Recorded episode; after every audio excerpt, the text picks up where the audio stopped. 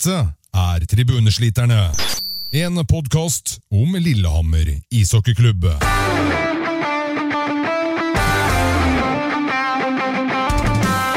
Si hei til Håkon, Espen og Hans Christian.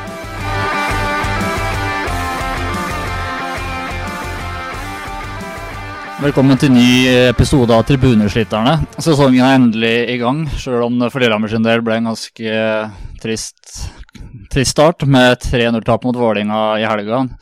Nulla og også, også null poeng, altså. I dag så skal vi komme innom denne kampen her. Vi skal også se litt framover på de neste kampene som kommer nærmeste uka. Vi skal også se litt på arrangementet, kamparrangementet til klubben. Litt om sosiale medier også. Uh, for å prate om dette her, så er vi tre faste gutta med. I tillegg så har vi med en ny mann i panelet som vi skal høre litt fra først. Dette er eh, dagens gjest. Ja, da har vi uh, Vi har elleve spørsmål. Korte spørsmål, bare sånn for å, for, for å lette litt på stemninga. Hvem, hvem er du? Hvem er du? fullt navn. Arild og har du noe kallenavn?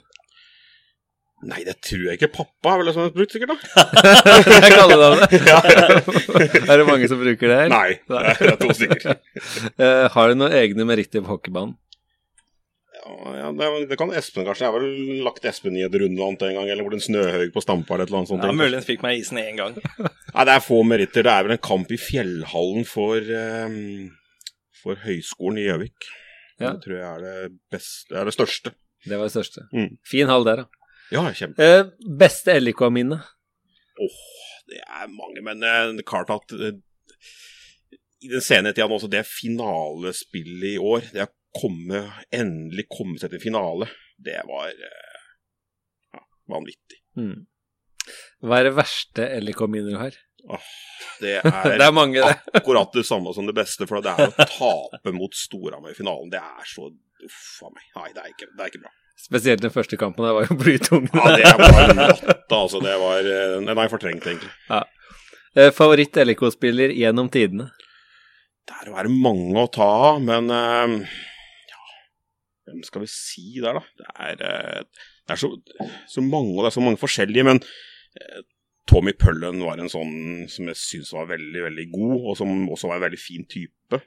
Mm. Men det er, det er, mange å ta, altså. Det er mange å velge. Det er Timo kunne sagt. Ja, Timo. Timo Leiter. Jeg sier Timo, jeg. Ja, det, er, det er deilig. Det er det beste. Uh, hvem er den verste LIK-spiller gjennom tidene? ja, det var, uh, det var spørsmålet sitt.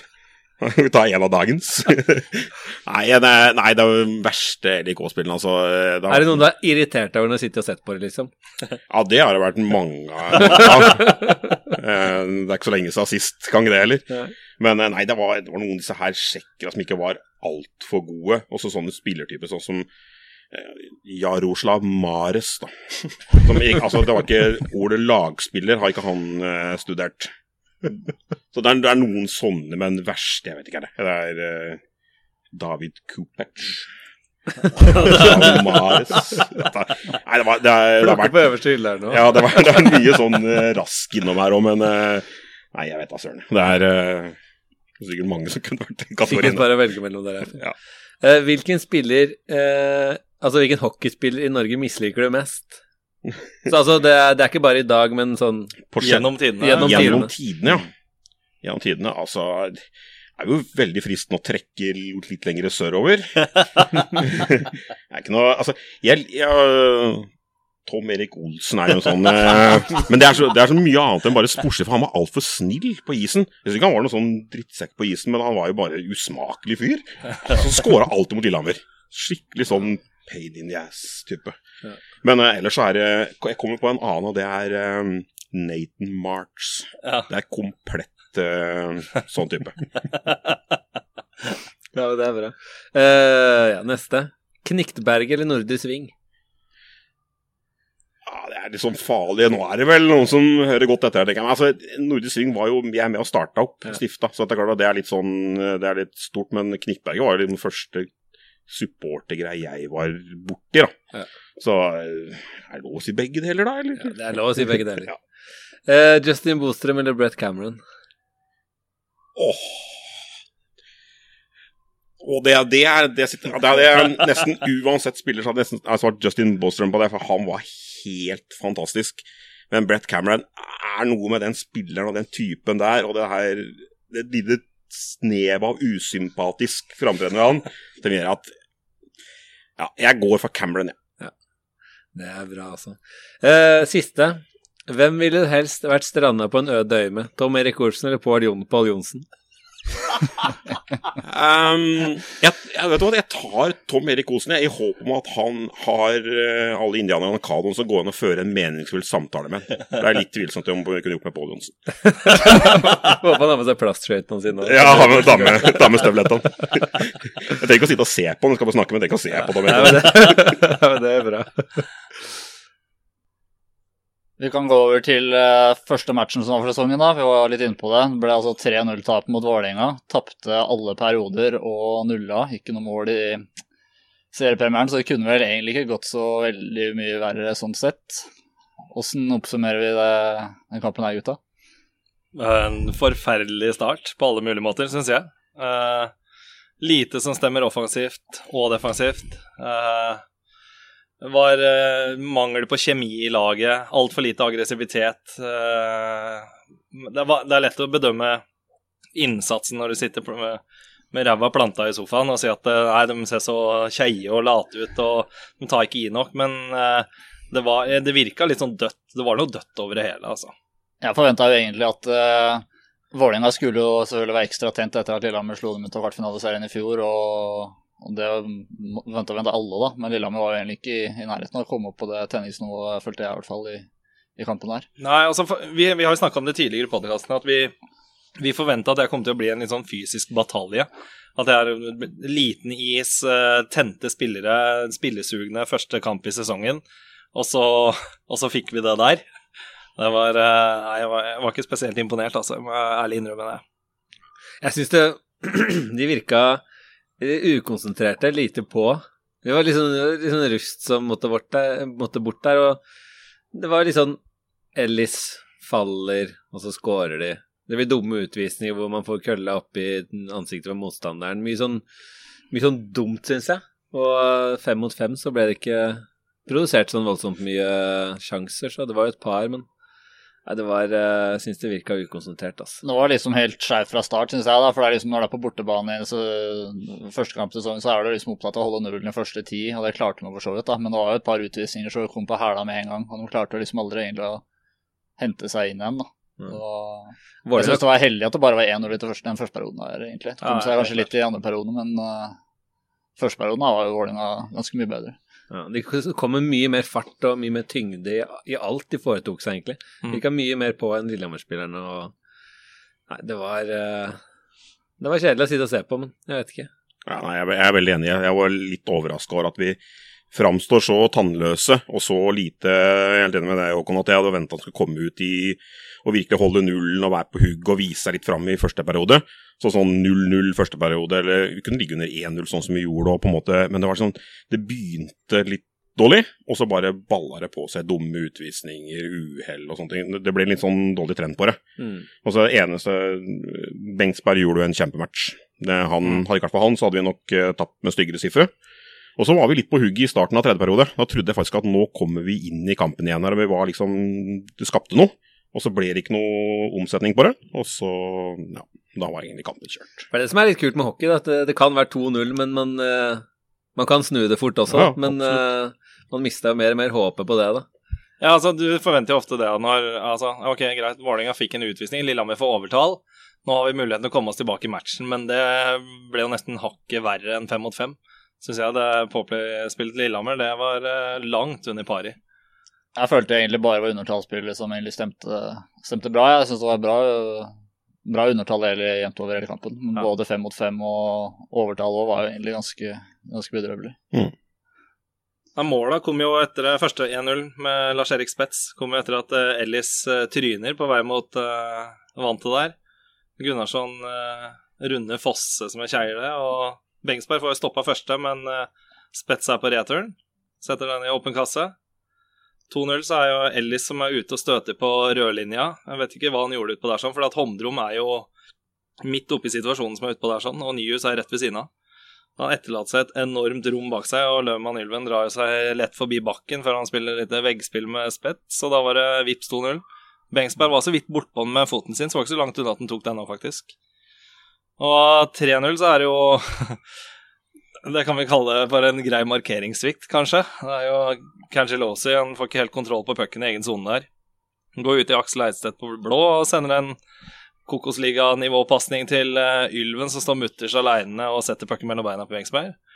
Bjerke og Saksrud Danielsen med skylapper på Jeg vet ikke, det, det var helt latterlig å se på, spør du meg. Altså. Det, det, så helt dumt ut. Det så ut som Kokosliga. Ja, det var verre ass, enn Kokosliga. Ja, men Det virka som begge to var helt uforberedt på at liksom, de kunne bli pucka opp der. liksom. Det virka som den bare var eh, fokus, fokus på ja, komme til angrep, egentlig. Ja, nei, det var så mye klabb og babb der, så det var off. Resten av kampen kan jeg ikke si noe om, for det så jeg ikke, for da, da skrudde jeg av. jeg tror ikke at jeg er aleine om det. Nei, det var, det var ikke noe topp underholdning, så det var Vi gikk ikke glipp av så mye på slutten. gjorde ikke det? Nei, det gjorde ikke. det. okay. Overhodet ikke. Men det har jo bare vært spilt én kamp, da, så det skal liksom kanskje ikke sage altfor mye med en gang. Men hva tenker du om rekkesammensetninger og sånn? Er det liksom noe som bør ses litt på før Ja. kamp? Jeg ble litt redd uh, når jeg så uh, altså andre femmeren, da. Med, det, det var med Bennik og Kangelosi og uh, Bose som løpere. Og så bak var det Ellis og Bakken, som hadde jo ganske mye minus i fjor også. Tenkte jeg kanskje det var litt sånn mismatch akkurat der. Kanskje likt å sette de uh, bak en litt mer uh, Litt flere defensive fibre i, i løperekka, da. Men uh, ja. De fikk jo én eller to minus, alle de der spillerne der som jeg nevnte akkurat nå. Så. Ja, og så syns jeg at rekkesammensetninga, når du har eh, Hickman og Denin og Eidsa i samme rekke, så får du Du tar jo nesten all tyngda og setter inn i én rekke. Men eh, du mangler jo vanvittig mye fart der. Det, det blir veldig seigt og treigt, syns jeg, da.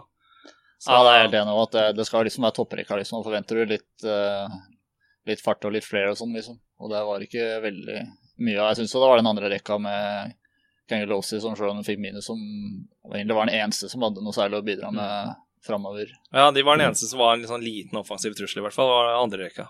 Den tredje rekka, den, ja, den så jeg jo nesten ikke noe til i hele kampen, den med, med den nord-rekka. Nei.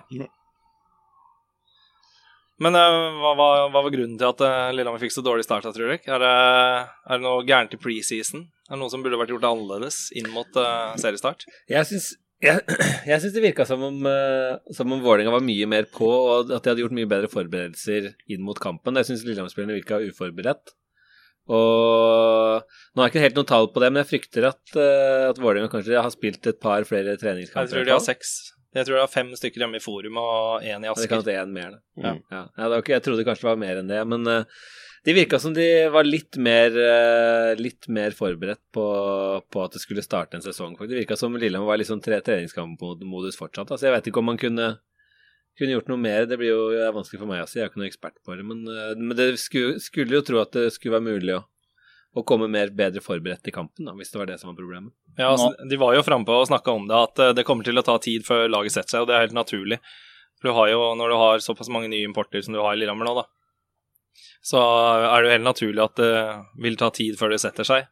Men eh, sånn som Bennik var jo ikke tilbake eh, i Lillehammer 20, før 21. august. Og Dinin har vært en uke i USA, og så var de uheldige at Bowles og Ellis ble syke når de dro til Danmark. Mm. Så det kan nok ha noe av skylda med at kjemien ikke er bedre enn den det er eh, per dags dato, da.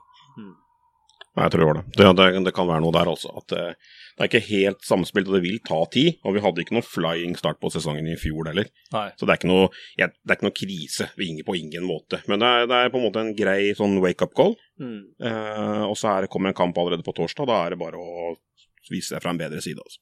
Ja. Det blir spennende. Det er to lag som har lyst til å revansjere det der.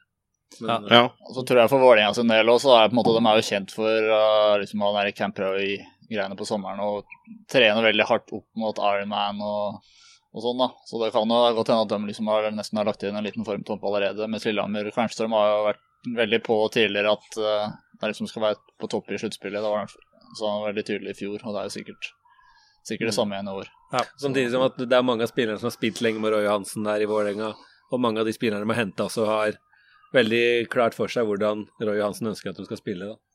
Så uh, Ja, uten tvil så er det klart at det er et, det er et betydelig sterkere Vålerenga-lag den sesongen her enn det var i fjor. Spesielt det. Altså. Nei, det kan ikke sammenlignes, og spesielt på det defensive. Som jeg syns Vålerenga så syltynt på i fjor, så har det nå plutselig fått noen voksne backer inn der som tar for seg litt. Og en Eidstedt som har spilt en sesong, og det, måtte, det, er, det er en litt annet uh, struktur på ting, føler jeg. da. Mm. Det gjør at uh, Lillehammer da ikke har alt på stell, og ikke er helt der vi skal være, så, så blir det vanskelig. Men det er litt sånn, eh, ikke bekymringsverdig, men litt sånn rart at vi ikke skårer mål.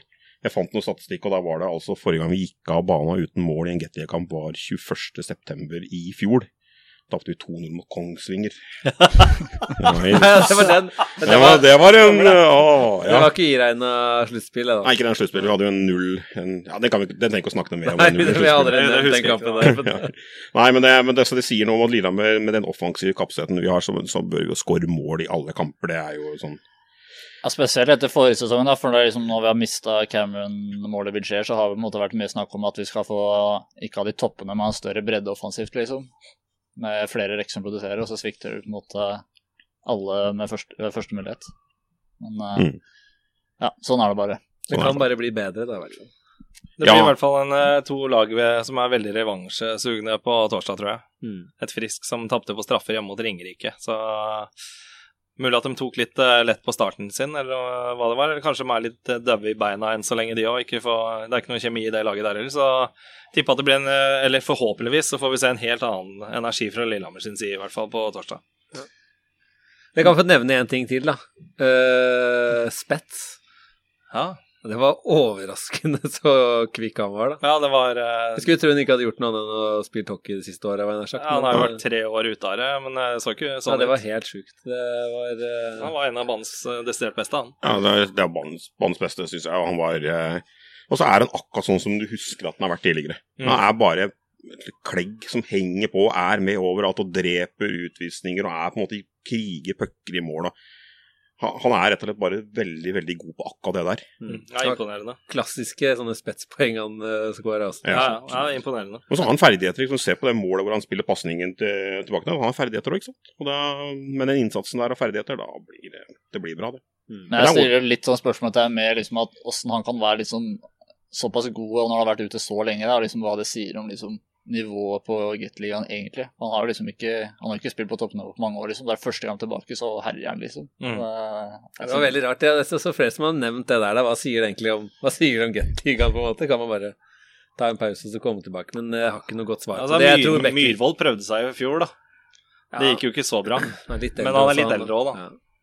Men eh, altså ja, Jeg trodde ikke at det skulle være mulig at den kom tilbake i en Altså at den skulle være så bra fra første match. Det hadde jeg ikke trodd. Så Det er jo en eh, kred til uh, Lars Erik for det der, altså. Og det er jo det er jo en overgang som man liksom har, som har gått litt under radaren. Man har tenkt liksom at hvis han gjør det bra, så er det liksom bra, men jeg har liksom Mm. tenkt at han skal må trenge en sesong kanskje å kjøre seg inn på. da, og når, Hvis de Mm. får han i skikkelig form, så har de jo liksom Da har de jo et ess i ermet der, da.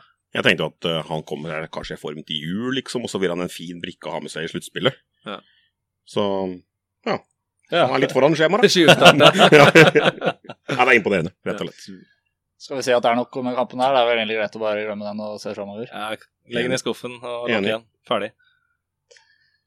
Vi kan jo gå videre til på neste bit. Vi har tenkt å fokusere litt på arrangementet, kamparrangementet og også. Nå er det første kampen mot Frisk, det er jo ikke mange dagene unna. Så da får vi jo se litt hva det har å by på. Hva er forventninger er det dere har til, til det i år? Til eh, arrangementsbiten så har jeg de samme forventningene som i fjor.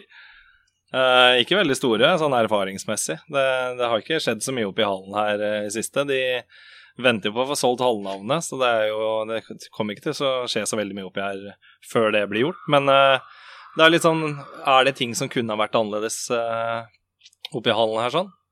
Åssen ser din kampdag ut, uh, Valseth, når du skal på match? Når jeg skal på match, da må jeg stresse i barnehagen først. Og så må jeg stresse hjem og lage mat. Og så pleier jeg å komme meg på kamp eh, Jeg kommer ikke til å være Jeg pleier ikke å være her tidlig. Jeg pleier kanskje å være her sånn kvarter, kvarter eller noe sånt før kamp. Må gjerne stå utafor og vente litt på noen folk man skal møte. Men også er inn og sette seg, og så ser på kampen, da. I ene pausa så pleier jeg å gå og kjøpe kaffe og sjokolade, og i den andre pausa pleier jeg å sitte på plassen min og ikke gjøre noe som helst. Ja. Eh, så det, jeg føler liksom at uh... Du deltar ikke på puckkasting? Jeg har ikke vært med på puck- puckkasting, nei. Men, okay. ok. eh, men det er klart jeg, jeg skulle kanskje ønske at det var litt bedre utvalg i kioskene med mat. At det var liksom Ja, jeg har ikke lyst på nudler, eh, stort sett, da. Og går rundt med en kopp med glovarm mat, men uh, Går ikke det som hånd i hanske? En Lillehammer hockey og nudler? Nei, så jeg skulle, jeg skulle gjerne ønske Det er noe av det jeg tenker på, at jeg skulle ønske at det kunne vært litt bedre. Litt bredere utvalg på, på kioskfronten. Nei, Jeg spurte det spørsmålet her til en kollega av meg, Kenneth André Storengen. Uh, han begynte ikke å se på hockeymatcher før i fjor. Så da tenkte jeg at det er litt sånn interessant å finne ut av hvordan han opplever liksom arrangementet. For det har jo vært oppe her i såpass mange år nå, så jeg veit jo noenlunde hva det går i hele tida. Det, det, det skjer ikke noe store steg år for år oppi her. Så han eh, Jeg spurte han akkurat det samme. Han er i eh, han er oppe i hallen her sånn 20-30 minutter før eh, kampstart. Går i kiosken, kjøper seg en kaffe og en cola, og så setter han seg på plassen sin. Uh, irriterer seg visstnok over elendig utvalg i kiosken, for det er ofte at han går rett fra jobb og opp i hallen, så han skulle gjerne tenkt seg et bedre mattilbud, da. Eh, første pausa uh, går på do, eller så sitter han på setet sitt hele pausa. Uh, for erfaringsmessig så rekker han ikke å gå på do og stå i kioskø, og det kjenner jeg meg igjen i. Du rekker ofte ikke begge deler, for at det er såpass lang kø i kioskene. Uh, så da prioriterer han å gå på do, og så går han og setter seg igjen, da. Hadde det Eh, vært utendørs kiosk, kunne gjort begge deler. ja. og så har han jo lært seg trikset, som kan være skjebnesvanger. Det er at du går gjerne før perioden er ferdig, andre periode. Går kanskje to minutter før, så du slipper unna køen. Da kan du gå glipp av noe gøy på isen. Da, da går han og kjøper seg en pølse, og etter kamp så er det rett hjem. Så det er liksom det er veldig begrensa hva, hva han gjør ut av dagen sin i Kristinshall. da. Det blir jo stort sett sitte på dette stygge, gule setet og se på hockey. Det er jo stort sett det det går med i, da. Jeg tenker jo at liksom de som er her, som har vært her i alle år, de er jo her kun for å se hockey. Og for dem del så er det på en måte ikke arrangement det utenfor det som skjer på isen, så viktig, da. Men hvis liksom klubben skal vokse og få enda flere til å komme hit, så må de liksom ha noe mer å bude på i tillegg til hockeyen. da, For de har på en måte, mange som ikke har sett noe særlig hockey før, liksom, og da prøve å komme med noe ekstra, da. Mm. Så der føler jeg Ja, der er det klubben litt å gå på. Jeg skal ikke spørre Arild om hans kampdag, for den vet jeg sånn noenlunde hvordan for du tar bilder. Men eh, åssen åssen så han ut før i tida, Arild?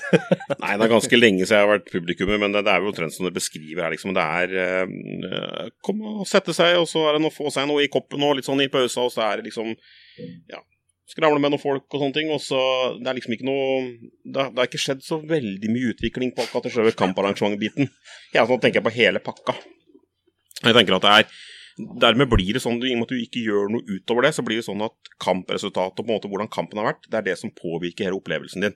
Om du går fra Kristiansand og er glad og fornøyd, det er fordi Lillehammer har vunnet eller spilt bra. Mm. Og spiller Lillehammer dårlig og taper, da, er det, da går det. Altså, du tenker, det er nummeret før du rekker langfingeren til LK, liksom. Det, og det, du må pakke på med noe mer, da, sånn at folk ikke Alt ikke avhenger av kampresultatet. Du skal Mm. allikevel ha en bra opplevelse i Kristiansand. Jeg vet ikke om dere husker eh, eh, i- fjor, eh, Valentine's Day, 14. februar, Lillehammer Stjernen. Det var en bedriten hockeykamp. Ja. Skikkelig sånn Lillehammer tapte 5-1. Dag Morten Ween skåra målet, forresten. Det er, det, sånn, det er ikke så mange som husker og det er ikke så mange som husker at Lillehammer tapte, eller hvordan kampen var. og sånne ting. Men det folk husker, det var som skjedde etter kampen. For Da signerte vi nye kontrakter med Mm. Brett Cameron og Stefan Wiescher. Det er det alle husker. Alle liker var kjempehappy. Vi tapte 5-1. Ja, det- og det var en sørgelig kamp, liksom. Men alle gikk igjen bare Det er helt konge. Ja, ja. Det bare beviser at alt, alt du pakker på rundt hockeykampen, da, det har en betydning for hvordan totalopplevelsen er. Og det er den vi må gå etter. Mm. Eh, hockeykampen skal selvfølgelig være rosiner, pølser og det viktigste av alt der, men vi må etter hvert komme et sted hvor vi pakker på litt mer rundt. Og får litt mer opplevelse av hva det er, i hvert fall for de andre enn oss da, som vi har det, har det kjernen, er det lov å si det. Mm. Som er interessert i hockey. Det, er sånn, det er hockeyen. Også hvis vi får noe annet kult i tillegg, så er det bra. Men for mange andre så er det sånn hele opplevelsen og hele pakka er jævlig viktig. Så litt mer, litt mer der tror jeg er lurt. Forrige sesong også ble det det nye med parkeringen her òg, som ga en del utfordringer. Så på den fronten ble det nesten verre. For Ja. min del er det ikke det noe stort problem, for jeg bor jo rett borti her og er bare én er bare meg sjøl og, og passer på, liksom. Men det er jo litt verre for barnefamilier som uh, ikke akkurat kan uh, gå litt av ta bussen, tenker Nei, jeg da. det, det der har jeg også diskutert litt sånn frem og tilbake, både med folk i klubben og kompisen som kjører til match og så hele pakka. Det er, det er greit at klubben har eh, gått ut med flotte bilder av eh, og skravlert inn eh, hvor plassene er. Det er bak Håkonshall, og så er det liksom speiderhus og badedammen og hele pakka. Men problemet er når du kommer kjørende hit, så aner du ikke hvor det er ledig eller ikke. Og da må du gjennom rundkjøringa borte ved Kiwi Stampa, og der står trafikken dønn stille. Og da blir du kjørende rundt og blir forbanna, så ender det opp med at du bare kjører opp på fortauet et sted, så steller du deg der. Så der hadde jeg et sånt forslag til eh, Jeg vet at Rune Hansen kommer til å høre på denne episoden, her, sånn, så det er til hele administrasjonen. Hvorfor har ikke LIK kommet ut med kan, at publikum kan kjøpe seg et parkeringsabonnement? At de f.eks. kan kjøpe seg en, rød plass. Det er da sone 1 utafor hallen. Så da får du garantert en plass utafor der sånn. Og så kan du ha flere soner, og så har du selvfølgelig frie plasser i tillegg. Så kunne de ha gjort noen penger på det i tillegg. Så hadde de som virkelig trenger å kjøre bilen sin helt inn til hallen, så hadde de hatt det, den muligheten, da. Ja, eventuelt bakt inn en, en sånn parkeringsfordel i sesongkort, For eksempel. Enda bedre idé. for eksempel, som en tilleggstjeneste der. Altså, det, er litt, det er litt sånn vanskelig å si hvor mye det parkeringgreia utgjør, og sånne ting her, men det er i hvert fall livsfarlig, litt sånn som jeg føler det har blitt at det blir litt sånn Nei, det er ikke så farlig, ikke tenk på det, liksom. Det, vi løser det, det er ledige plasser overalt, og vi kan Det er litt sånn at med en gang som du sier, med en gang du blir litt forbanna utafor her, står i rundkjøringa på Stampa, og blir, så kommer du inn i hallen til slutt, og så er du fortsatt litt sånn forbanna. Og hvis ikke LIK leverer, da da, da snakker vi igjen liksom, hvor alt farger opplevelsen din. Da Ja, ja, går det, og så bare Det, det her gidder jeg ikke neste gang. Tror jeg sitter hjemme og ser på TV2 Zoom og koser med meg litt kaldt i glass og litt sånne ting her. Ja, Slipper å stå i kø. Ja, men det, er- det er sånn det er så mange, eller mange, i hvert fall noen tenker sånn. Ja. Det skal så lite til før folk får en sånn negativ opplevelse, i stedet for at det er litt sånn Velkommen inn, og her er det plass, parkeringsplasser, og her er det godt og varmt, og kaffen er varm, og pølsa er varm, og Altså Det er mange sånne ting, da. Det er mange ting som farger opplevelsen der, men parkering er definitivt en av de. Ja. Det er, det er en viktig del eh, av hvordan samfunnet har blitt nå. Folk vil ha det enkelt og lett tilgjengelig alt sammen. Så hvis folk har den uvissheten at du har litt dårlig tid, ok, skal jeg stelle meg bak Håkonshall eller bort Badedammen eller havne langt eh, nord i byen, eller hvor er det jeg havner når jeg skal parkere, liksom. Så folk slipper unna stresset der, sånn. Så jeg tror at det kan ha større betydning enn det folk tror, faktisk. Jeg husker ikke hvilken kamp det var. Var, var det i fjor, eller? Det var en eller annen kamp hvor det var så sinnssykt glatt ute. Husker ikke hvilken kamp det var, men det var så Ja, glatt at det var, det var nesten ikke mulig å komme seg fram eh, noe sted. Da. Og da Mm. også merker man jo sjukt forskjell på tilskuertallet. Det var Mm. liksom, eller sjuk forskjell, det var i hvert fall et par hundre mindre enn det pleide å være. da. Ja. Og, eh, nei, så klart det har noe å si. Men hva, hva tenker dere om det? Jeg tenker på selve liksom, arrangementet inne i hallen her. Da. Hva kunne man gjort bedre der? Åh, det er så vanskelig å Altså, det er så mye tenkte, som kunne vært bedre. Jeg satt og tenkte på en ting, for vi snakka med Rune Hansen i episode tre. Ja. Og da var også snakk om den eh, Kafé Murmansk nede Gamle Kristins kafé, da. At den skulle vært gjort noe med og pussa litt opp. Da, og da kom jeg til å tenke på, jeg satt der at For at man har jo Hvis man har barn og, og barnefamilie og gjerne vil på kamp, så er det, er det ofte litt sånn styrete, da, litt sånn hektisk kan være hvis man skal til kamp. Men uh, hvis, hvis det kunne vært sånn at man kunne, kanskje kunne fått seg en, en middagsmatbit før kampen, f.eks., der nede, sånn at man kunne tatt med seg familien, spist litt før kamp, og så gått på kamp rett etterpå, det, er det noe som kunne funka, det? Man hadde ikke tenkt å ha noe åpen sånn à la carte, men at man kunne på en måte reservere et måltid, da, ikke sant? Man kunne spise noe grei mat der før kampen, da. Det er nesten så du tror at vi hadde snakka sammen før episoden. For jeg, jeg har liksom pensa litt inn Det har vi ikke gjort, altså. Nei, det har jeg faktisk ikke gjort. Uh, jeg orker så vidt å snakke med deg her. uh, nei, det jeg går på, det er at uh, sånn som Det skal litt sånn inn på billettpriser, men det skal vi etterpå, for det er noen som har reagert på de nye prisene. Men det jeg savner, er at Lillehammer kanskje skulle hatt litt sånn Altså, alle toppidrettslag sånn, ønsker å være så familievennlig som mulig nå. Men hvorfor har ikke Lillehammer f.eks. en egen seksjon på eh, E-feltet, som er, hvor de kan selge familiepakker, f.eks., og hatt nede i Kafé Murmansk eh, at de hadde hatt et litt mer sånn barnevennlig område. F.eks. hvis det er noen barn Altså, det er begrensa hvor mange barn i sånn sju-åtteårsalderen som orker å se en hel kamp, ikke sant. Det er gjerne yngre også. Uh, om de hadde hatt f.eks. noe mer barnevennlig inne der, sånn, da. Så foreldra kunne sett på kamp Mm. Er det, en, eh, er det en idé? Hva tror du, Håkon? Ja, jeg tror absolutt det kan være en idé. Ja. Det er jo Men jeg tenker jo på arrangementsbiten totalt sett, at det kommer liksom Det avhenger mye av penger, da. Det kommer til å bli noe helt annet når den kuben omsider kommer på plass. Da blir det kisscam på Valentine's Day. Åsven styrer Ja, kamera. jeg gleder, gleder meg allerede. Hvem er det jeg skal kisse med nede ved rundvant der, da? Gilland, da. Ja, ja, det blir koselig. Det blir Det er kjempekoselig.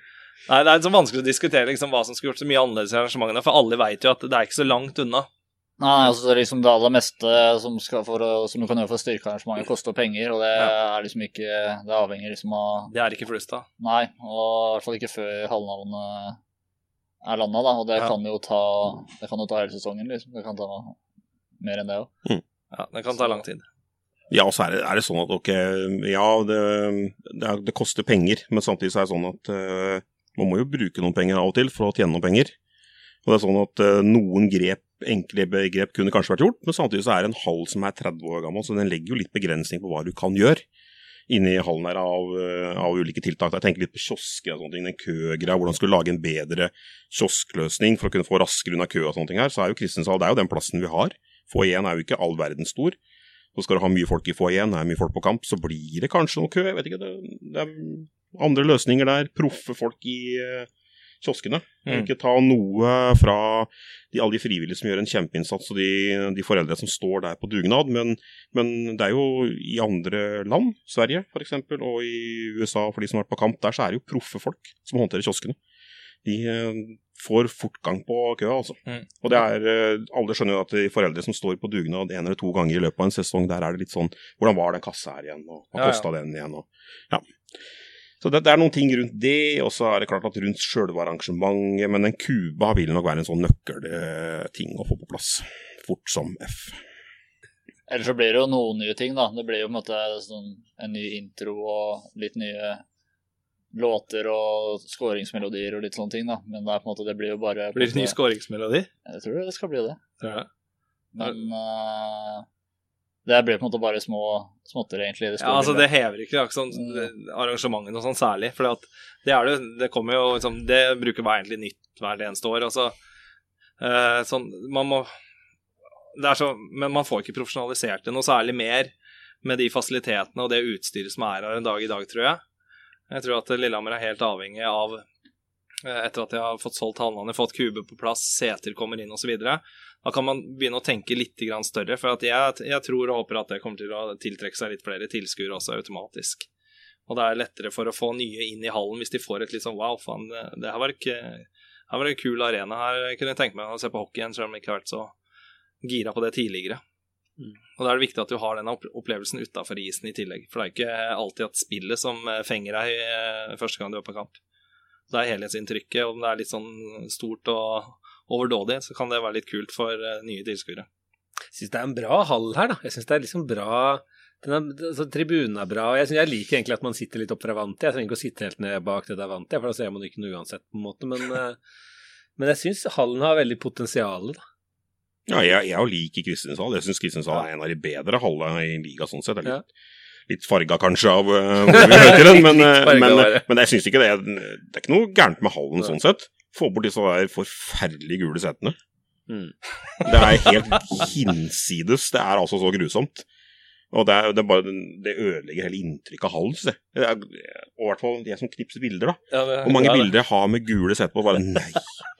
Kunne det ikke vært grå eller rød eller sitter, når det sitter 1200-1300 på tribunen og det er Ja, gult den fargen ble veldig tydelig òg, når det liksom, hvis det er litt glisten på tribunen her òg. Hvis det hadde vært eh, svart, liksom, så hadde det vært litt annerledes. Men når du får den her eh, oransje-gul Vi kan selge setene til Frisk Aske, så kan de ha så ut som det er fullt hele tida.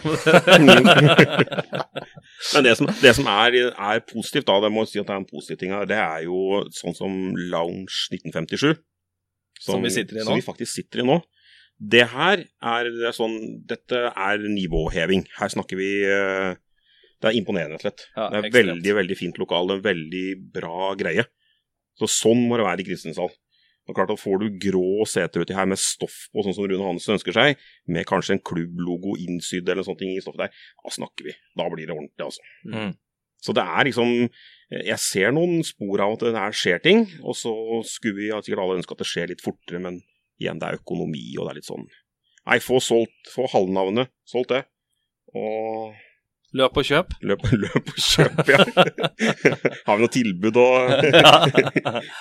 Vi kan jo gå litt videre på hockeyklasse, kanskje, for det er en av de tingene klubben faktisk har gjort, da, som har fungert veldig bra det året det har vært, da, Mm. på arrangementsbiten. Nå blir jo den i hockeyklasse mot Storhamar nå til høsten. 17. november, ja. Og Åssen kan vi bygge videre på det som ble skapt i fjor? Altså, jeg- Ingen som har noe å si. jeg, jeg, jeg, jeg, ja, jeg, jeg har tenkt mye på det her, faktisk. For jeg ble, jeg ble veldig imponert over at LIK turte å gjøre det i fjor. Syns det var ordentlig moro at man endelig ja, tør å satse litt. Og så lykkes man så til de grader. Det var jo helt enormt, det HK i fjor. Det er, jeg, det er nesten så jeg skjelver litt når jeg tenker på det Ja, det var helt tullete. Jeg ser på noen bilder av Anne tatt i etasje. Jeg bare Og dette har vi vært med på. Dette er så kult. Men så er jeg litt, sånn redd, litt redd for at vi nå blåkopierer og skal gjøre det samme igjen i år. For det tror jeg ikke blir like kult, for å være helt ærlig. For det første så er vi nå i september, og jeg har ikke sett så mye informasjon om hva konseptet her er i år. Så jeg, sånn, skal vi gjøre det samme igjen? For den samme hypen får vi ikke igjen. Nei. 18 år siden sist, var, nå er det under et år siden forrige gang. Så den får vi ikke igjen. Og så var Max heldig i fjor med tabellplasseringa. ikke sant? Én og to på tabellen, og alt var, datt liksom på plass der. Mm. Så jeg føler at hvis vi Nå er jeg kanskje ikke budsjettert med å fylle opp Håkonsson, det tipper jeg at man kanskje ikke har gjort. Men man har budsjettert med ganske mange tilskuere, vil jeg tro, og en solid porsjon inntekter på det. Men det er noe med å skape den der full hall-opplegget Mm. og fullt trøkk og sånne ting der, og da tror jeg faktisk at man må by på noe mer i tillegg. Jeg er enig i det, for i fjor så tror jeg mange tenkte at dette her er sånn once in a lifetime-greie. liksom. Dette er Mm. kanskje det eneste gangen dette kommer til å skje. Og nå har det på en måte Ja, nå ser det ut til at det skal bli en tradisjon hvert år, da. Så Mm. da, da er det ikke den samme tiltrekningskraften, kanskje, for, for dem som ikke er så interessert i hockey, da. Så da må det liksom bys på litt, litt ekstra. Jeg tenkte egentlig med en gang så tenkte jeg at det der har vært en fin greie å ha annethvert år, eller kanskje hvert tredje år. Så man trenger liksom ikke å, å gå helt amok, da, fordi at, man, at det ble veldig bra den første gangen. da. Mm. Så, eh, så tror jeg da det Altså, jeg håper selvfølgelig jeg skal dit, jeg håper alle skal dit, men eh, sånn et, etterpå nå, da, jeg tror, vet ikke om hvert år er kanskje der man skal legge seg. Jeg vet ikke hva dere tror. Litt sånn inflasjon i Hockey Classic. Nei, men jeg, jeg er helt enig. Jeg vil, øh, men det er klart at man ser fristelsen. Det er penger å hente her, og det er interesse og ting her. Mm. Og ingenting ville glede meg mer om det er smekkfullt oppi der en 17. november. Det har vært helt enormt. Ja. Men jeg ville nok kanskje sett på en sånn annethvert år-løsning eller en sånn type ting. Også. Det tror jeg hadde vært eh, en lurere løsning.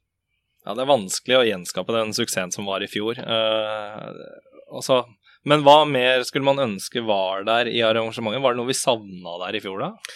Jeg savna litt skikkelig merchandising. Ja, det, Ja, blodig utnyttelse av det. Altså, her få tjent noe penger. ja med noe kule hettegensere.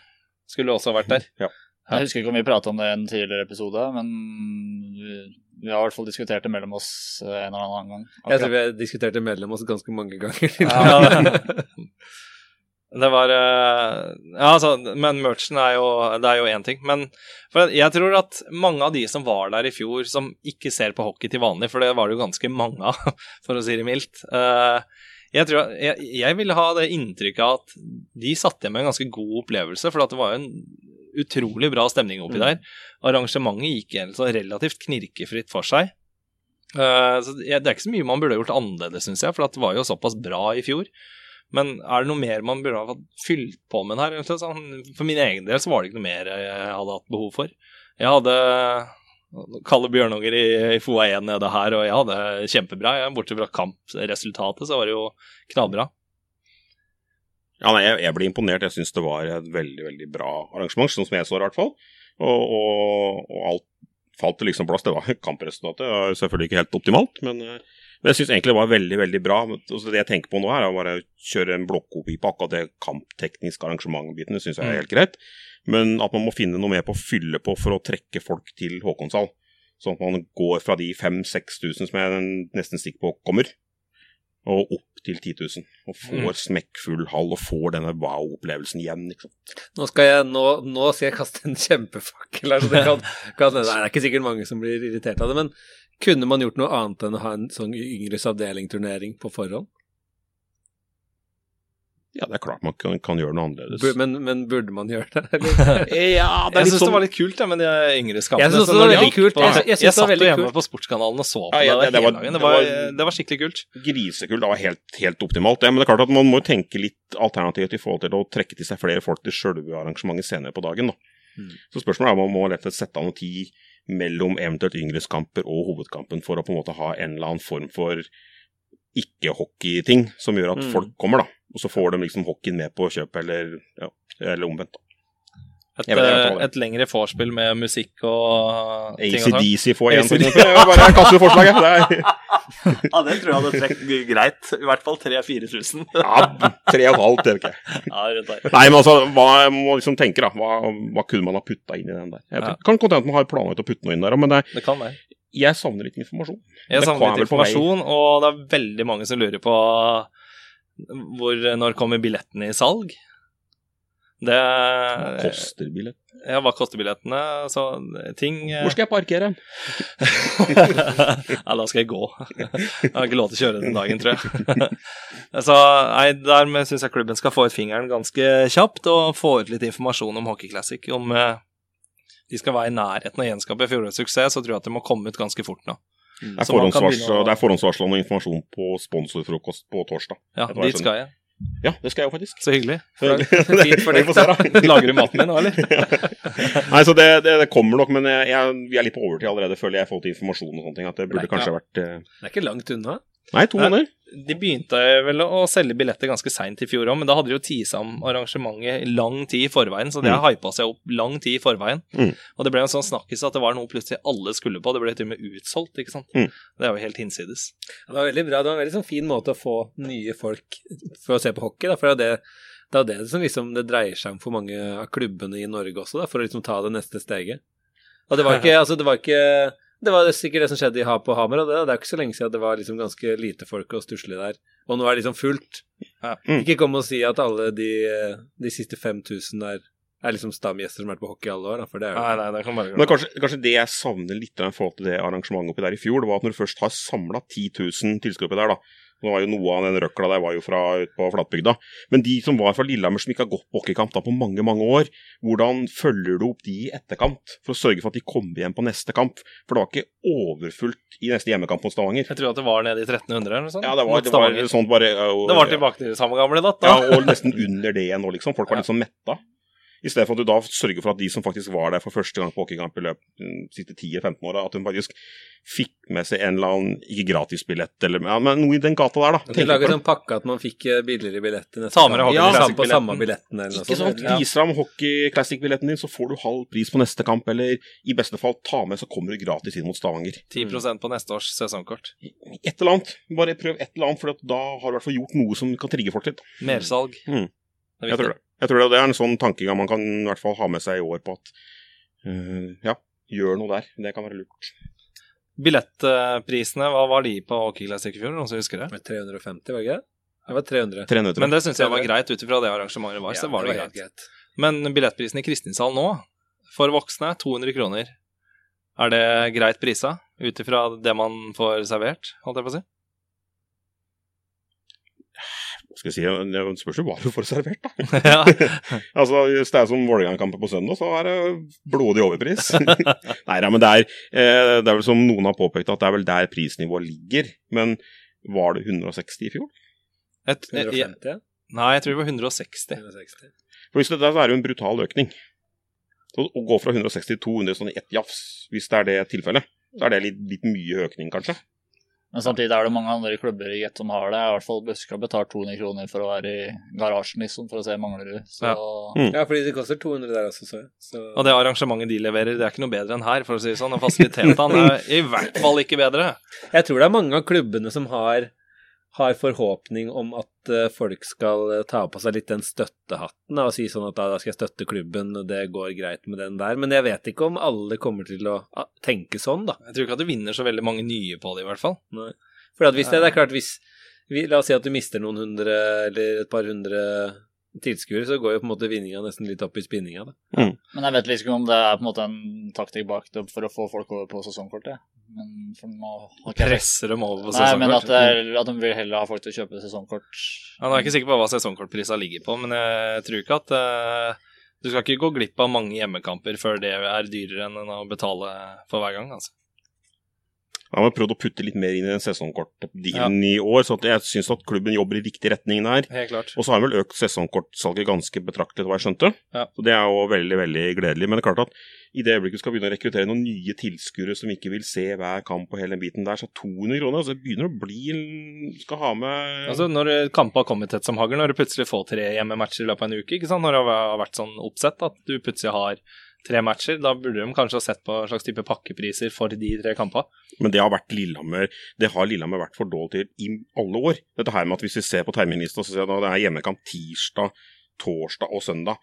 Det er ingen av de her som ikke er hardcore som kommer på alle de kampene hvis det er full pris. Hvis du sier at du løser bildet på tirsdag, så får du halv pris på torsdag og søndag, eller i hvert fall prøv et eller annet, da. Mm. Lag en eller annen sånn gimmick ut av det. Storhamar har vært mye flinkere på de tinga der. Sånn der er veldig vanlig i NLO, at du liksom kjøper sånne der eh, billettpakker nærmest, for, for, for eksempel fra 45 hjemmekamper, da, eller 10 eller 15, og så velger du ut de kampene du vil gå på. da. Mm. Det er vel ingen som har begynt med noe sånt i Norge, så vidt jeg vet. Nei. Men uh... Nei, det er klart det, det er litt sånn, det er noen utfordringer i bildet, og sånne ting der, men vi må tørre å prøve noe for å Har du liksom hjemmekamp søndag mot Storhamar, og så er det MS og Ringerike på tirsdag torsdag, så skjønner alle at alle venter til søndag. Mm. Hvis du da sier at hvis du har med deg billetten fra tirsdag og torsdag, så får du halv pris på søndag. Altså en eller annen sånn gimmick, da. Mm. Det tror jeg er, lurt å tenke litt på. eh. Nå ser jo at Lillehammer òg har valgt seg noen lørdagskamper i år. Det har vi diskutert før, Espen. Lørdagskamper. Nei, Jeg liker ikke det. Nei, altså jeg er litt sånn, litt sånn skeptisk til det. Jeg tenker at det kan være en idé, da, men, men da må det være noe med tanke bak det. Det kan ikke være sånn at jeg har lyst til å spille med lørdag. Høres kult ut. Ja. Men hvis det er skjenkebevilgning, hvis det er partytelt, og hvis det er full rulle og på en måte et vorspiel til det som går på byen etterpå, og sånne ting her, så er det klart at ok, da kan vi prøve det.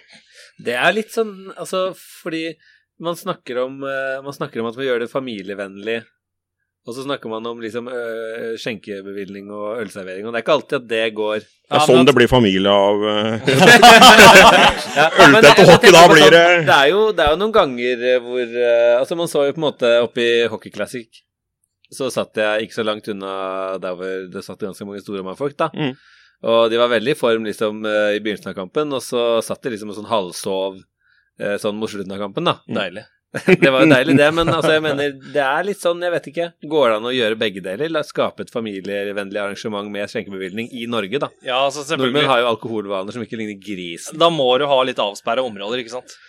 Da må du f.eks. bruke A- og B-feltet, for da har du tilgang til plassen ute her sånn, og det er kun der du får kjøpt det. Men da må det være avsperra områder, syns jeg, da. Eh, men de kommer ikke til å få noe på det. Det nekter jeg å tro. At de kommer til å få, få lov til å ha skjenkebevilgning ute her sånn på et åpent idrettsarrangement sånn som det der. Mm. Det er såpass strenge regler rundt det. Mm. Eh, men det er det igjen da, som jeg snakka om tidligere, om du har en liten familietribune, familieseksjon osv. Mm. Det, det, er mange, det er mange muligheter. Hvorfor liker du ikke lørdagskamper? For jeg jobber stort sett lørdager. Nå tenker på meg er sånn. Jeg snakker for meg sjæl. Hva syns dere andre, da? Syns du, Arild, syns du lørdagskamper er det Det er spennende, men det er sånn eh, Jeg ser litt sånn utfordringa i at det kanskje Det er et sånt tidspunkt på lørdag ettermiddag, liksom. Jeg vet ikke. For meg er liksom det er tippekamp. Ja, det er, Det er mange, det er mange argumenter og ikke ja, det jeg, jeg vet ikke, det er litt spennende. Hvis man gjør noe mer ut av det, så er jeg positiv til at man prøver i hvert fall. Og se. Men det er klart at nå er jo alle andre kampene, søndagskamper, torsdagskamper, det er på en måte mulighet til å være familiekamper. For der er det ikke noe alkoholservering nødvendigvis. Så de på en måte kan være familievennlige i seg sjøl. Og så kan man si at de tre lørdagskampene er en sesong, da kjører vi på litt. Nå er det partytelt, og det er eh, øl og hele pakka, liksom. Så blir ikke det så veldig familievennlig kanskje da, men eh, det tåler man hvis det er to-tre kamper i løpet av en sesong. Mm. Men at det er interessant å prøve, men da må man legge noe i det. Det nytter ikke å bare si at vi switcher fra søndag til lørdag så, uten noe mer, liksom. Mm. Det er bortkasta. Altså, erfaringsmessig så er det vel søndager som har vært beste kampdagen på Lillehammer. Jeg tror det. Ja, jeg tror det. Jeg har ikke tallene liggende foran meg. Nei, her, sånn, jeg satt og så på tallene og sånne ting. Jeg gjorde det den sesongen der jeg og mm, min gamle kollega Roar Haug vi sammenligna dette for å sjekke litt om det, kom, det er sånn 50-50 omtrent, litt avhengig av motstandere. For at det, er klart, Her spiller motstanderen ganske mye rolle. Storhamar drar plutselig på flere tilskudd, om det er torsdag eller søndag, spiller ikke så stor rolle da. Men da har du én flere torsdagkamp med Storhamar, så slår det såpass mye ut. Mm. Men eh, det er verdt et forsøk, hvis det er et helhjerta forsøk på å skape noe litt kule ting ut av det. Hvilken dag er det Hockey Classic blir, blir i år? Lørdag. Det er lørdag. Mm. Vi har pratet mye om arrangement nå, kanskje vi skal gå litt videre? Det kan vi Eller er det noe vi har uh, oversett som vi bør ta opp? Jeg syns vi kan se fram mot uh, neste kamp. Eller skal vi se litt frem mot sosiale medier? Ja, gjerne det. Det er mye å ta tak i. Ja, har du noe du vil si om sosiale medier? eh? Eh, om jeg har noe jeg vil si om sosiale medier eh, Hvordan Lillehammer er på sosiale medier, så syns jeg de Jeg syns til tider er greit, men jeg syns det er veldig varierende, da. Og eh, gjennom eh, den Instagram-kontoen som vi har på Tribunesliteren, så følger jeg alle de andre laga.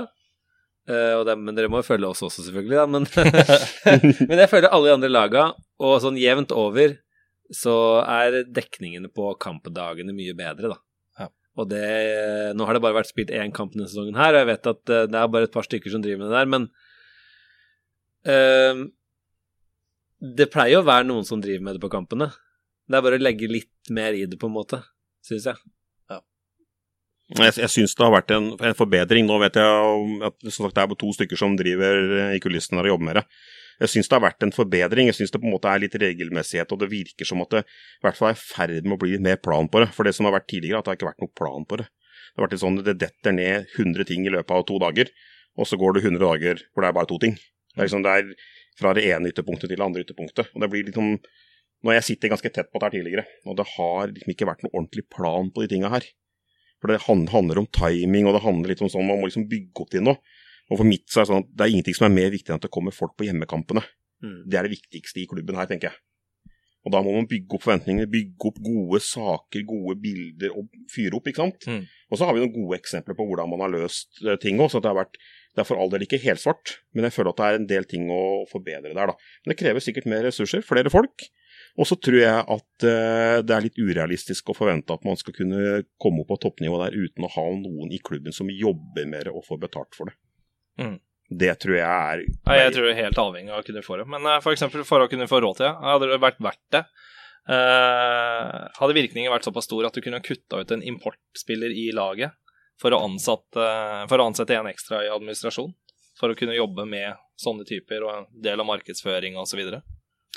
Altså det er, det er Ja, altså, ja jeg, jeg, jeg mener at det vil betale seg på lang sikt uansett. Da. Jeg er helt sikker på at det kommunikasjon, informasjon, merkevarebygging, det er helt essensielt i 2018. også. Mm.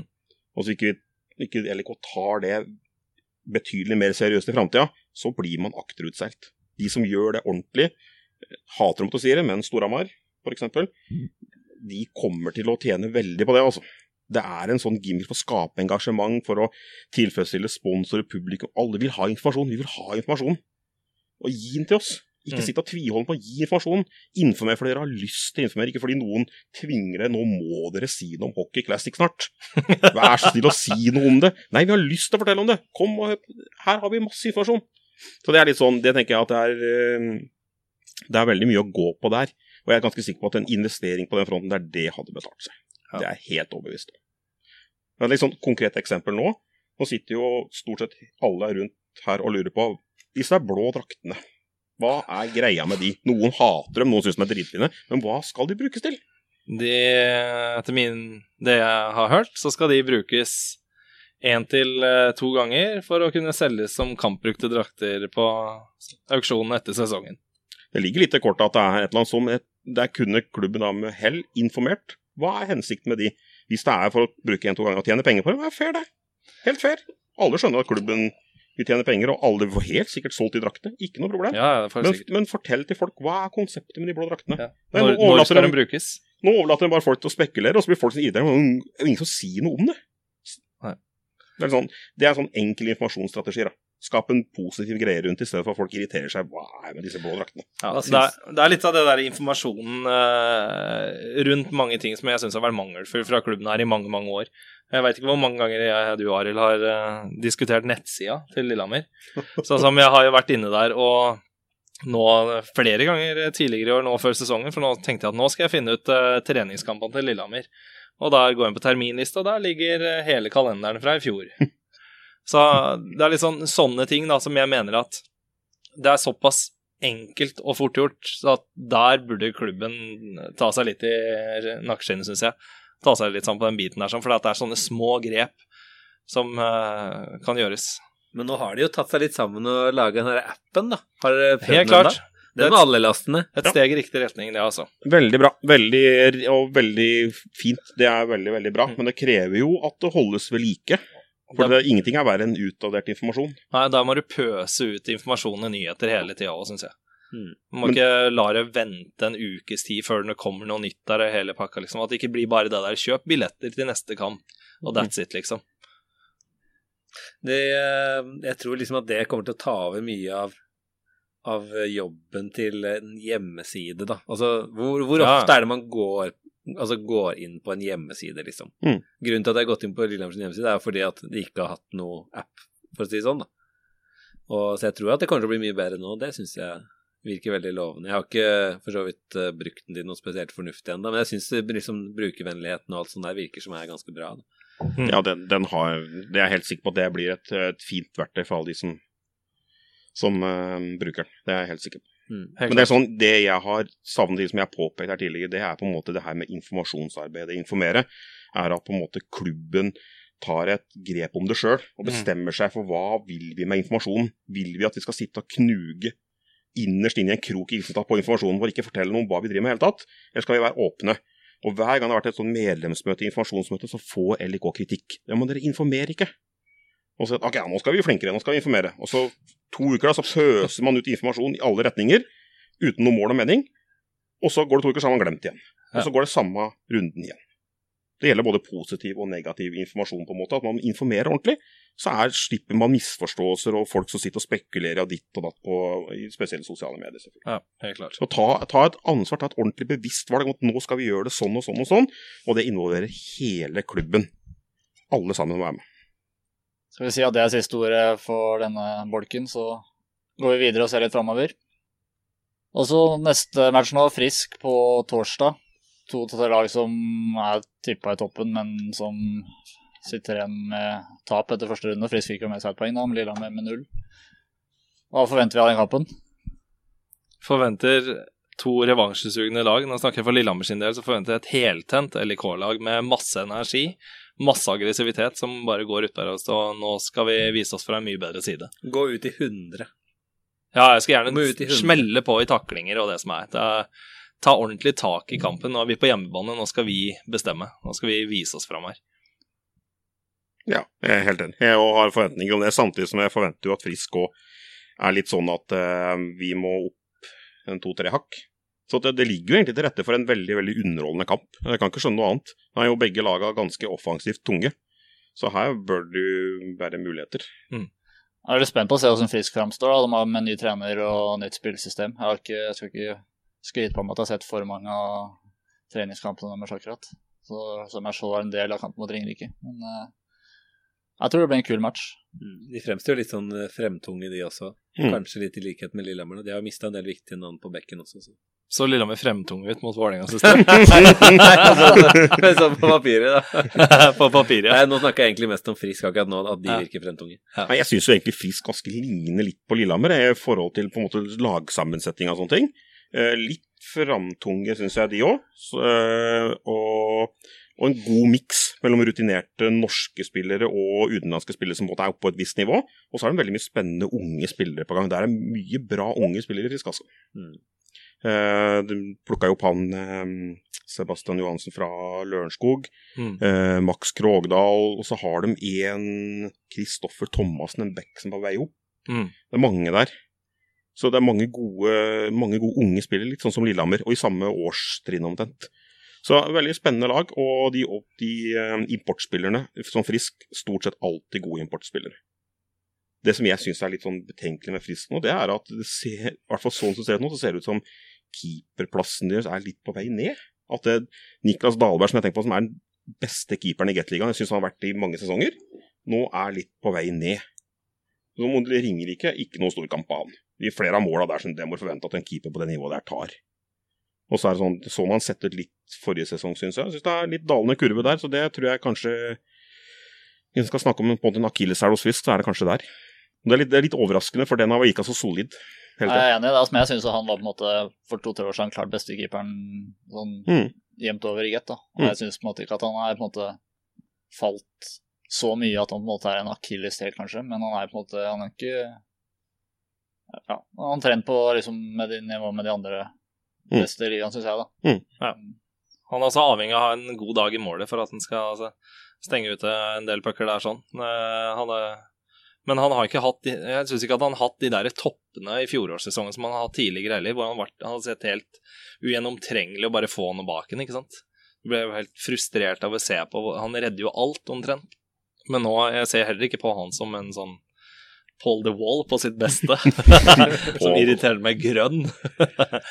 Så nei, det blir spennende å se nå på torsdag. Det er en match jeg gleder meg skikkelig til. altså. Jeg syns frisk, eh, frisk Lillehammer synes jeg er veldig fine kamper ofte. Mm. Veldig bra kamper å se på, syns jeg. Så jeg Mm. håper veldig mange som kommer og ser på kamp, da.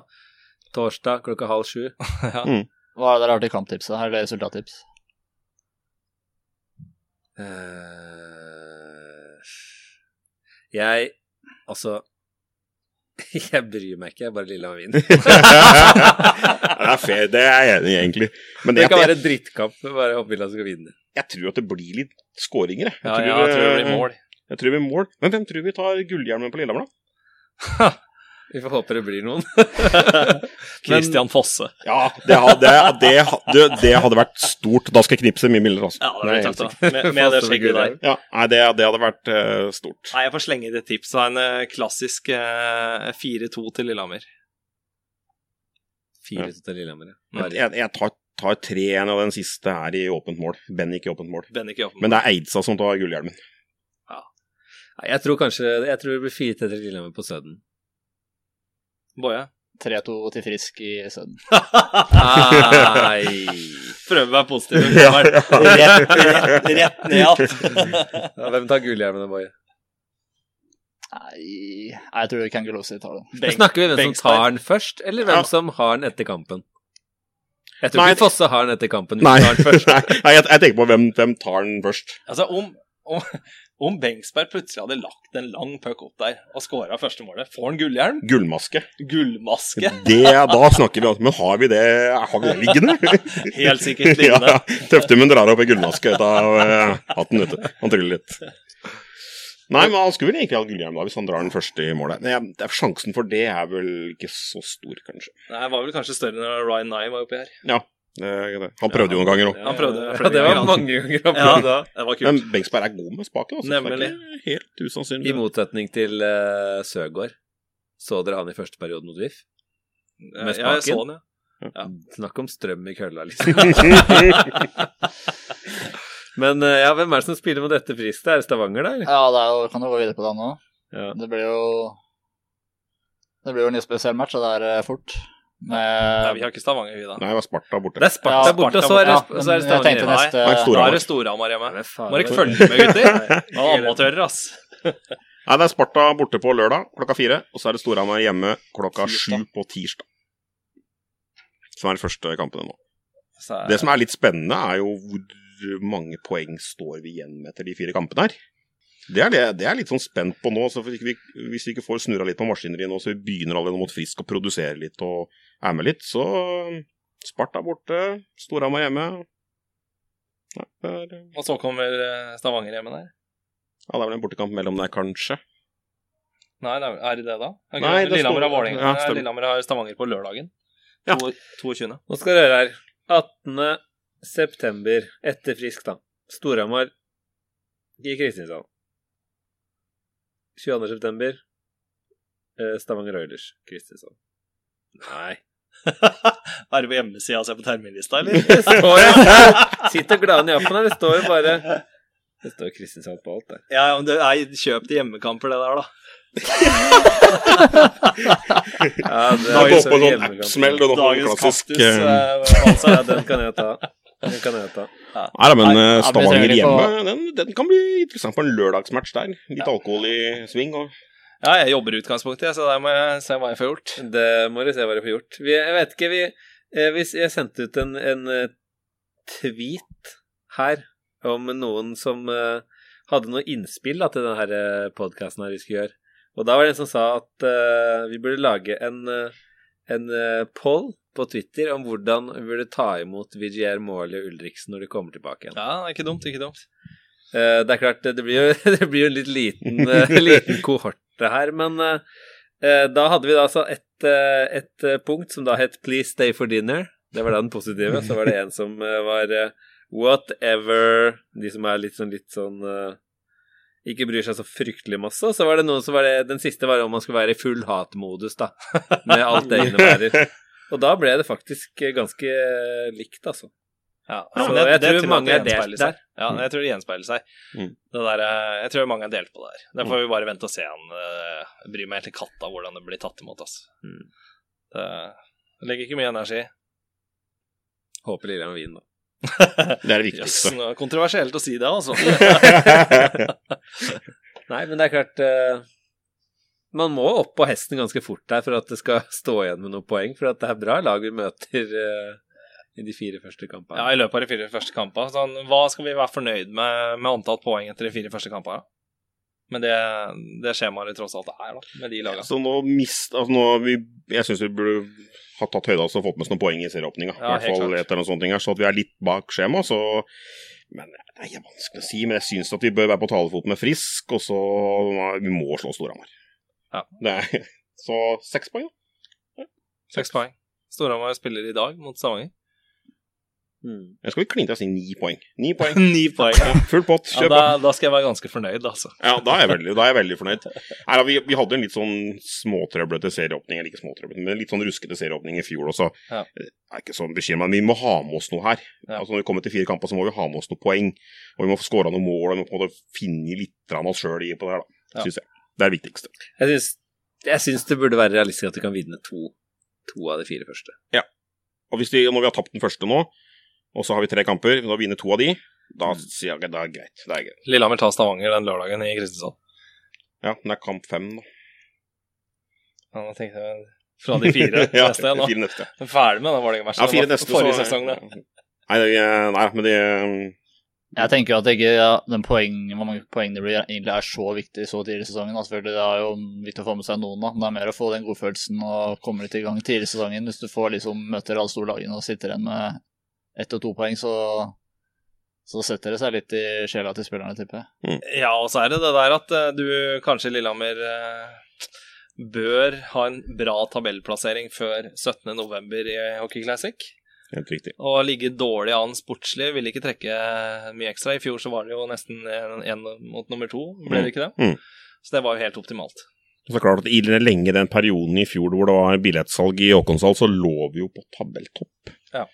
Og forventer at vi skal ligge der igjen i år for å hjelpe på billettsalget i Håkonshall. Det er sånn, det er ambisiøst. så det er òg en sånn faktor i bildet rundt hockeyklassikere og sånne ting. Så jeg er glad at poeng, er helt enig Håkon, at det er ikke, poeng er ikke helt avgjørende i starten av sesongen, men det er viktig å ikke havne for langt bak her. altså. Når vi havner i sånn ingenmannsland hvor ingen kamper er sånn Nei, fader, kom oss oppi det her. Og sånn Storhamar blir litt sånn småparanoide. Ja. Men jeg tror at dette blir en sånn sesong hvor ja, nesten alle kommer til å ta poeng fra det, egentlig. Utenom Egentlig Ringerike, da, men de tok jo poeng fra Frisk de nå også. Mm. Så tror jeg Storhamar eh, De kommer tror jeg fort til å stikke litt ifra. Ja, det kan men, fort skje. eh, Kanskje. Apropos stikke ifra, så er det gladnyhet da, fra flatbygda. Så er Stavanger leder 1-0. Gjør det det? Ja. Hvem putta? Det er ikke noe score i gleden. Skåringa, mål i altså, vi ser og Skal vi se? Det må vi se. Men jeg kan i hvert fall si at hvem tror dere skårte? Jeg ser at Sparta leder 3-0 mot Stjerna, så hvem tror du skårte første målet? Didrik? Nei. Ja. det, det må jeg få lov til å si, for jeg vet at det sitter i hvert fall en kar borti Nybu, eh, Rune Christensen, og hører på. Didrik Nøkkelbestemmelsen får en herlig hockeyspiller. Han, altså, er han er altså Ja. Eh, jeg, jeg elsker sånne spillere. Som bare handler uten å tenke noen ganger. Mye ufint der, men det blir litt sånn ekstra moro av det. Det neste gang han kommer hit, liksom, den der digre bjønn av en Det er deilig å ha noen å hate. Ja, det er deilig å ha noen å hate. Og så her blir det gode bilder av det. Ja, ikke sant? Målet hadde assist på scoring. Debutereren fra Stavanger? ja. Han har vel ikke vært med og spilt i treningskampen ennå, tror jeg. Var det ikke det? Jo, han har spilt, han har spilt i hvert fall én. Har han gjort det? Var han med Det var den dere i? Tyskland og spilte den, Ja. Der, ikke det? Mm.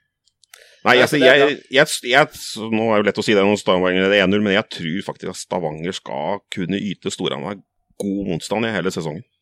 jeg tror at Stavanger, hvis uh, vi kan treneren der er helt sånn nutcase, så skal dette her dårlig Skal gjøre en dårlig jobb for å coache bort det talentet som er i det laget der, altså. Du har henta spillere som du veit presterer. De er gode spillere, altså. Ja, så har du litt det der COL-spøkelset, som du har sett laget, de norske lagene som har vært med i COL tidligere. De har starta litt treigt, altså, Mm. etter at de har vært med der.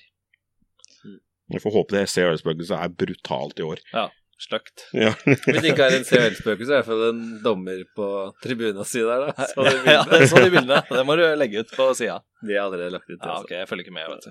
Jeg er ikke på sosiale medier. Skal vi si at eh, nok er nok for denne gang, kanskje? Nok er nok. Nok er nok. Ingen som vil ha siste ord? Valseth, du pleier å Pleier å ville ha siste ord. Ja. jeg, vil, jeg, vil- jeg vil ikke ha noe siste ord. Jeg vil bare at Lillehammer skal vinne neste kampen. Ja, det vil jeg òg. Kom på kamp, det er viktig. Takk til Arild som kom på besøk i dag. Takk for at jeg kom. Hjertelig velkommen tilbake en annen gang, Arild. Det gjør jeg gjerne. Så hyggelig. ja, da sier vi sånn takk for at du hørte på, så hører du mer fra oss om ikke altfor lenge.